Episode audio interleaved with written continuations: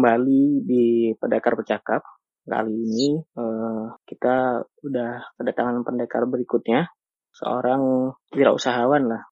Kita bersama dengan Afdi Wijaya. Halo, Jay. Halo.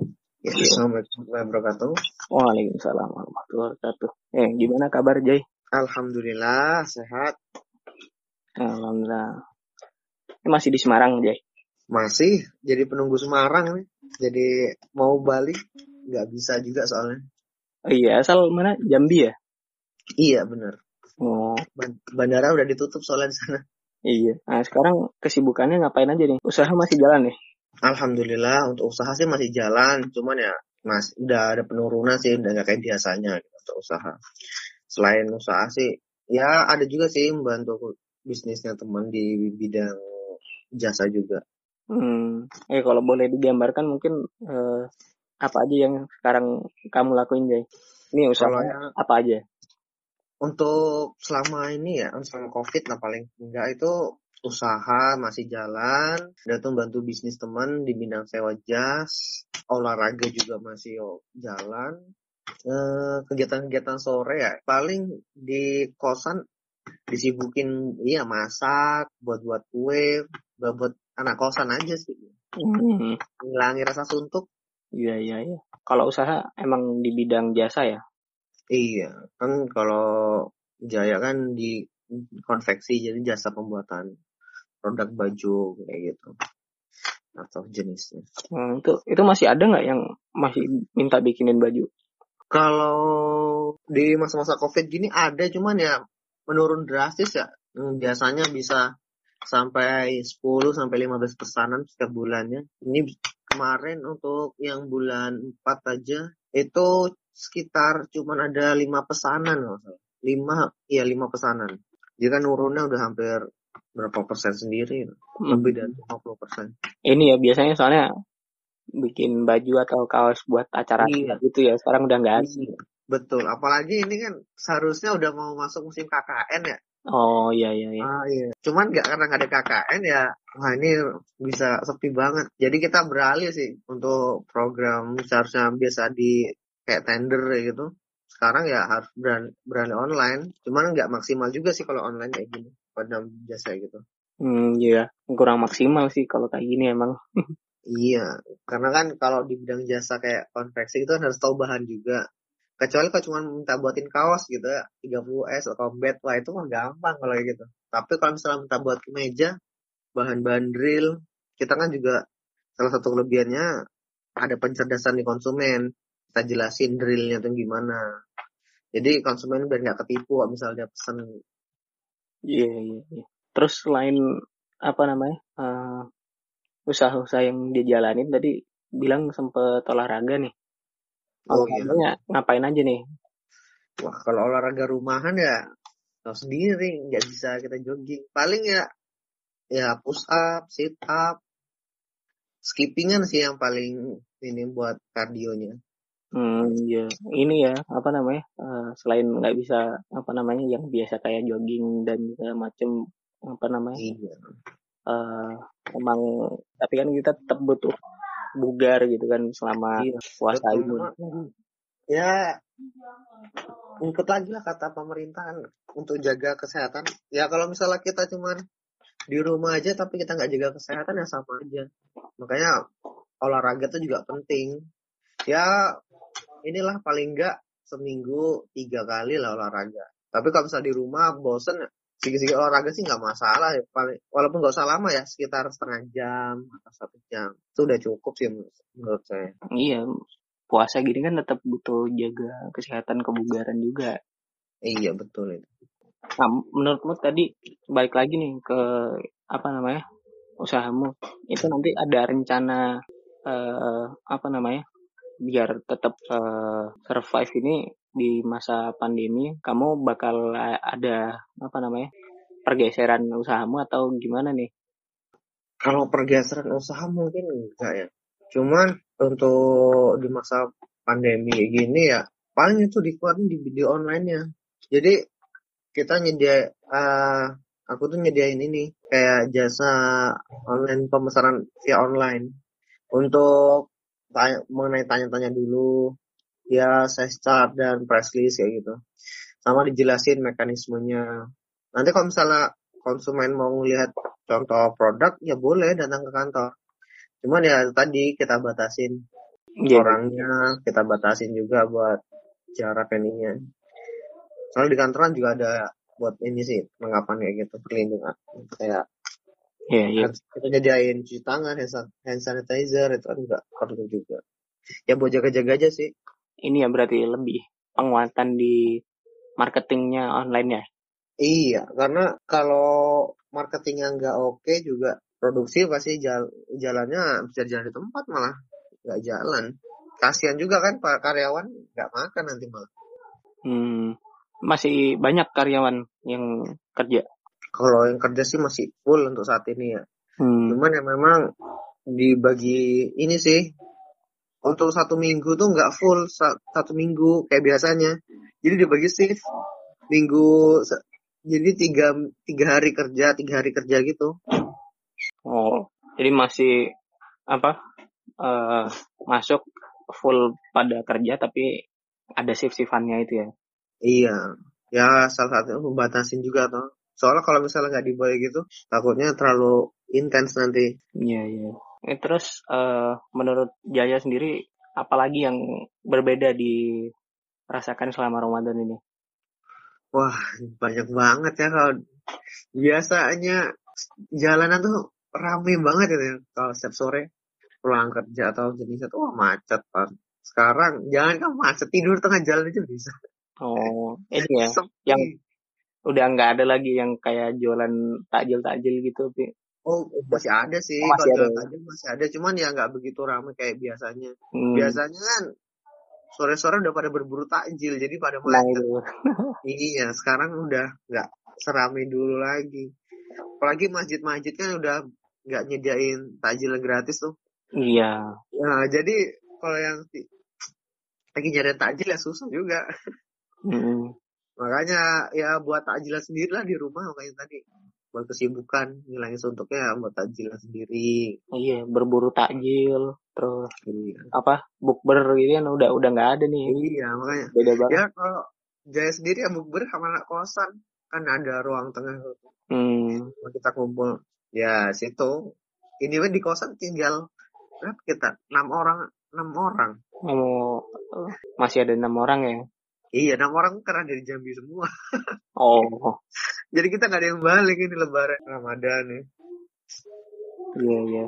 Selain buka puasa bareng apa namanya uh, takjil, ini masih terawih nggak? Terawih ya masih, cuman ya di rumah sih kita. Hmm. Di kosan. Ya terawih sendiri. Ya kadang sama anak-anak kosan. Iya iya. iya. Uh, Terus tadi kan kalau kerja kan hampir masih seperti biasa, cuma intensitasnya berkurang gitu ya. Iya benar. Uh, ada pendapat nggak dari Jaya soal ini apa namanya? Uh, kan sekarang lagi banyak banyaknya work from home yang hmm. dianjurin untuk kerja dari rumah aja. Uh -uh. Ya kalau menurut Jaya ya work work uh, for home itu oke okay ya. Cuman ya kalau untuk kerja-kerja yang bagian di teknik nah ini ya di teknisi ya nggak bisa. Kayak penjahit mana bisa. Kalau misalnya mesinnya kalau kecuali ya mesin itu kita taruh di rumahnya masing-masing ya itu mungkin bisa. Cuma buat controlling produknya kita nggak bisa kalau misalnya kayak gitu. Nah kalau hmm. misalnya kerja kayak misalnya Jaya sebagai uh, pemasarannya gitu via online itu bisa. Dari rumah kita kerja. Kayak penjahit penjahit kan nggak bisa tukang potongnya bordir tukang sablon kan nggak bisa kerja dari rumah. Alatnya semua di kantor. Oh iya ini ininya ya produksinya masih iya masih tetap jalan. Kalau kita nggak produksi nggak dapat pendapatan. Ya mereka nggak dapat gaji nanti. Oke. Okay. mau gaji dari mana kalau nggak ada pendapatan? Oh iya kan apa namanya uh, salah satu saham kan ini ya konveksi ya. Kemarin hmm. ada produksi kayak apa namanya masker atau baju-baju yang bantu buat kesehatan ini nggak kalau buat masker ada buat lingkungan sekitar kok. Cuma kita nggak buat masker nggak ngirim ke APD secara ini ya ke bagian ke dokter atau jenisnya enggak. Cuma kalau untuk lingkungan sekitar sih ada kita bagi-bagi. Oh bagi-bagi juga ya. Uh-uh. ya paling nggak salah satu ini sih mendukung apa ya lingkungan gitu ya soalnya kita kan di lingkungan masyarakat itu punya kantor jadi nggak enak lah ya ada ininya lah empati kita juga ke masyarakat Hmm. walaupun nggak begitu besar cuman ya kita harus ada sumbangsi juga lah ke masyarakat Iya. usaha kita kan harus ada manfaatnya juga gitu buat orang-orang sekitarnya Terus apa namanya eh, sejauh ini dia ngerasa apa namanya eh, dampaknya COVID ini untuk ke depan ini gimana kira-kira? Kalau untuk saat ini ya mungkin ya kalau misalnya kayak gini terus ya bisa-bisa ya. Mungkin ada karyawannya di rumah kan juga. Kalau misalnya kayak gini terus ya selama sampai bulan 6 tapi kalau misalnya bulan 6 itu udah mulai agak stabil ya mungkin ya masih oke lah. Kalau untuk saat ini sampai bulan 5 sampai lebaran lah itu masih bisa tercover sih untuk karyawan. Ini, ini udah, udah Mei ya bulan 5 ya. Iya makanya kita sempat pusing tuh. Soalnya udah mulai penurunan itu semenjak pemerintahan nurunin itu eh yang dari BNPB kerja dari rumah mulai bulan 3 nah itu udah mulai Iya. ada banyak, banyak banget penurunan produksi. Iya. cuman yang buat masalah tuh bahan baku sih karena bahan baku banyak yang mulai tutup. Oh, supplier supplier tuh banyak udah mulai tutup. Jadi kadang buntu bahan baku jadi agak mahal. Oh gitu. Jadi apa namanya tetap produksi tapi bahan bakunya suppliernya mulai nggak masuk juga ya. Iya, kan eh tadi banyak ya ada beberapa yang cuma kan nggak ini nggak lengkap. Iya iya. Gara-gara iya banyak yang tutup. Stok kan juga banyak kiriman tuh kalau di Semarang itu dari Bandung, dari Bekasi. Oh yang daerahnya udah pada Iya. ini ya. Iya, zona-zona merah makanya Oh, banyak kan untuk pengiriman ke di Semarang tuh kan terbatas. Makanya ini juga mengaruh juga ke bisnis-bisnis kita yang di sini. Para kon- konveksi-konveksi itu sekarang tuh udah wah mikir banget mau ngasih harga ke konsumen agak mahal. Kasihan konsumen. Tapi kalau nggak dinaikin harganya ya nggak masuk juga ke biaya produksi. Hmm. Ya dilema juga sih. Nah, terus harapannya untuk ke depan nih biar kita tetap apa namanya eh, bisa menjalani keadaan di tengah pandemi, menjalani puasa ini juga gimana nih buat Jaya? Ya, mudah-mudahan aja untuk pandemi segera diangkat ya, sama Allah Subhanahu taala. Dan untuk kegiatan ekonomi kita bisa jalan lancar lagi kayak biasanya. Paling enggak untuk jalur ini sih eh, supply chain atau ininya untuk jalur apa ya bahan baku tuh udah lancar aja udah insya Allah udah ini dah udah aman untuk masalah konsumen tuh insya Allah kalau misalnya udah lancar sama ekonomi tuh mah pasti ngikut aja. Apalagi sekarang kan universitas juga buat dirumahkan kuliah udah online, udah online itu yang buat jadi masalah. Kalau misalnya udah lancar, semua udah pandemi udah hilang ya, mungkin di bulan 7 itu udah mulai normal sih kalau misalnya udah hilang ya. Tapi kalau misalnya belum hilang ya, nggak tahu sih. Mungkin ditutup sementara dulu usaha kali. ya. Hmm, Beralih ke yang lain. iya iya.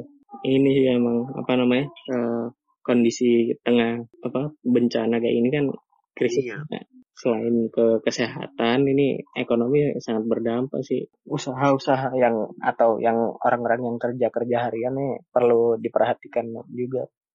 Iya, makanya itu.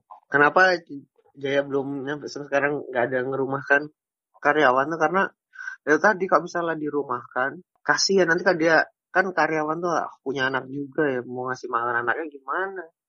Kalau dirumahkan cara ini. Kalau dirumahkan digaji ya dapat dari mana pendapatan kalau nggak ada produksi? Kalau sama produksi mati kan gitu. Nah itu, jadi tetap usaha biar tetap nafas ini nyambung hidupnya gitu ya. Iya, paling nggak. Ini.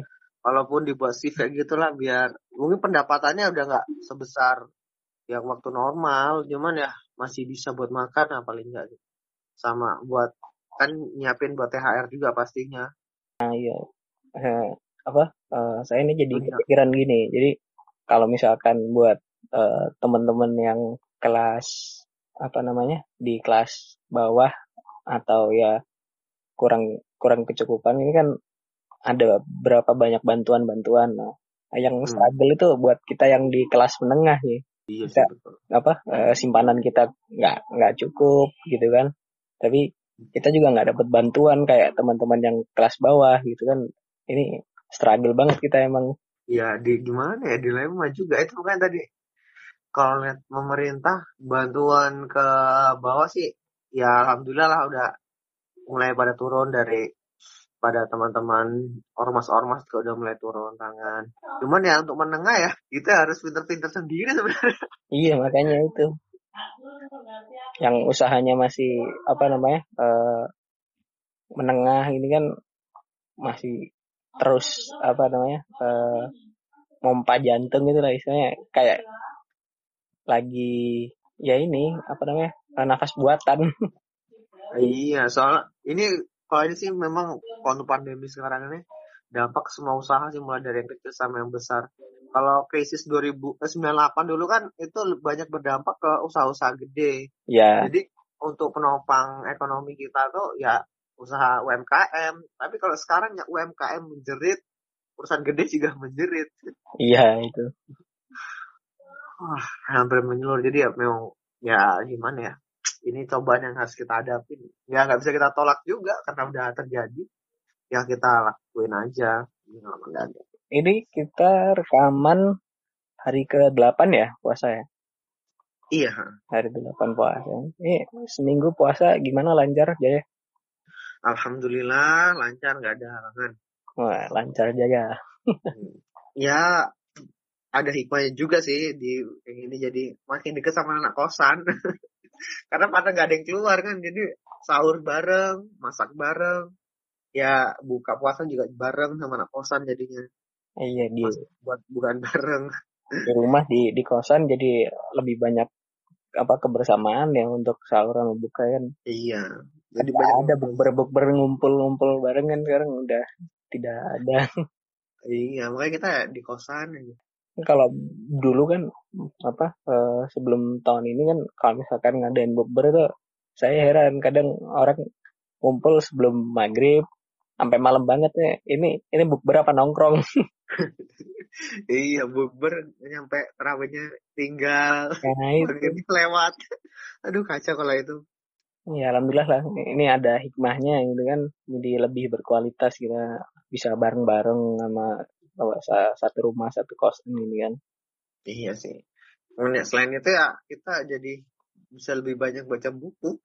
Ah, karena biasanya di luar biasanya kalau kalau bosen ya kadang nonton kan nggak nonton ya paling baca buku ya, kalau kayak gitu bosen banget pasti di kosan ya di kosan aja karena biasanya keluar kan keliling keliling kalau sekarang lagi baca buku apa aja ya kalau sekarang ada Aji si ini Santoso Putro Sejenak Hening. Judulnya apa? Sejenak Hening. Atau orang biasa kenal Aji Silarus juga. Sejenak Hening atau apa? Sejenak Hening. Sejenak Hening sama ada lagi itu Sadar Penuh Hadir Utuh. Nah itu dia dia tuh buku tentang metagraph gitu sih. Apa itu? Jadi ya tentang psikologi juga sih belajar tentang oh. psikologi manusia. Ya gimana manusia tuh perlu juga ternyata kita mengenali diri sendiri gitu. Yeah. Dalam ya walaupun sebentar gitu. Kita tuh manusia tuh butuh ketenangan paling enggak 10 menit aja untuk memikirkan diri sendiri tanpa berpikiran apa pun ya. Benar-benar kosong pikir cuma mikir uh, ya kayak misalnya kita zikir aja, kita berzikir aja. Cuman ingatnya sama yang Maha Kuasa dah kayak gitu toh. Oh, itu penulisnya siapa tadi namanya? Aji Santoso Putro. Aji Santoso Putro. Emang ini apa namanya uh, studinya di psikologi gitu kayaknya sih gitu soalnya di sini untuk anu sih dia tentang buku metagraf gitu ini juga Jaya dapat recommended sih dari teman kemarin. Oh rekomendasi teman. Iya waktu dibaca sih memang oke okay banget sih. Ya kadang-kadang kalau dipikir-pikir memang hidup pikuk kehidupan tuh memang perlu ada jeda gitu untuk menenangi pikiran. Ternyata iya. untuk menemukan apa ya pikiran yang tenang itu nggak harus jauh. Hanya cuma di dalam diri kita sendiri. Iya. Karena banyak kan orang wah aku mau refreshing menenangi pikiran main ke sana main ke sini. Nyari pelarian banyak banget iya, Padahal ketenangannya dari diri sendiri ya Ah, justru kita lari dari masalah, satu masalah, eh kita balik ya masalah tetap ada. Ah. Tapi kok kita nyari ketenangan dalam diri sendiri tuh, eh, rasanya malah lebih plong gitu. Ada permasalahan apa kan nanti lebih enak di ininya. Terus selama puasa ini ada targetan-targetan tertentu nggak, Jay? Kalau targetan ada ya kayak biasa sih. Kalau Jaya targetan paling di tilawah. Hmm, targetnya naik, uh, naik. Kalau biasanya satu jus satu hari ya kalau bisa naik. Target hmm. sih bisa katam dua kali gitu. Ah iya iya. Terus selain Untuk, itu selain itu sih ada ini ada beberapa buku buku Hamka yang belum kelar jadi mau dikelarin buat ini. Apa tadi buku? Paling Ah, uh, selama puasa nih palingnya nanti udah kelar dah buku. Oh. Ada lima buku lagi sih yang belum. Mau mau menyelesaikan itu ya. Uh, uh. Siap itu uh, ada apa lagi nih dari Jaya yang mau disampaikan? Kalau dari Jaya sih yang penting jangan terlalu panik sama ada pandemi gini. Ya walaupun kita sama-sama susah semuanya ya masyarakat susah mau baik yang kalangan atas maupun kalangan bawah punya permasalahan masing-masing ya tetap kita jangan terlalu panik gitu. Kita boleh uh, cemas tapi jangan terlalu cemas karena nanti dikhawatirkan ya itu menurunkan daya imunitas malah keserangnya sakit. Walaupun di kita lain karena rasa cemas itu tadi yang rasa cemas yang berlebihan kita boleh waspada tapi jangan terlalu panik gitu aja. Ini tetap tenang ya. ya tetap tenang. Oke, gitu aja mungkin ya. Nah, makasih Jaya untuk menyempatkan. Eh, Sama-sama. Uh, semoga dilancarkan lah semua selama puasa ini dan uh, semoga tetap uh, jaya itu usahanya Jaya Konveksi. Amin. Nah, ya. Uh, mungkin itu dulu. Uh, saya Takin Jafar uh, mau pamit undur diri dengan saya Abdi Wijaya diundur diri. Terima kasih banyak. Ya, terima kasih. Wassalamualaikum warahmatullahi wabarakatuh.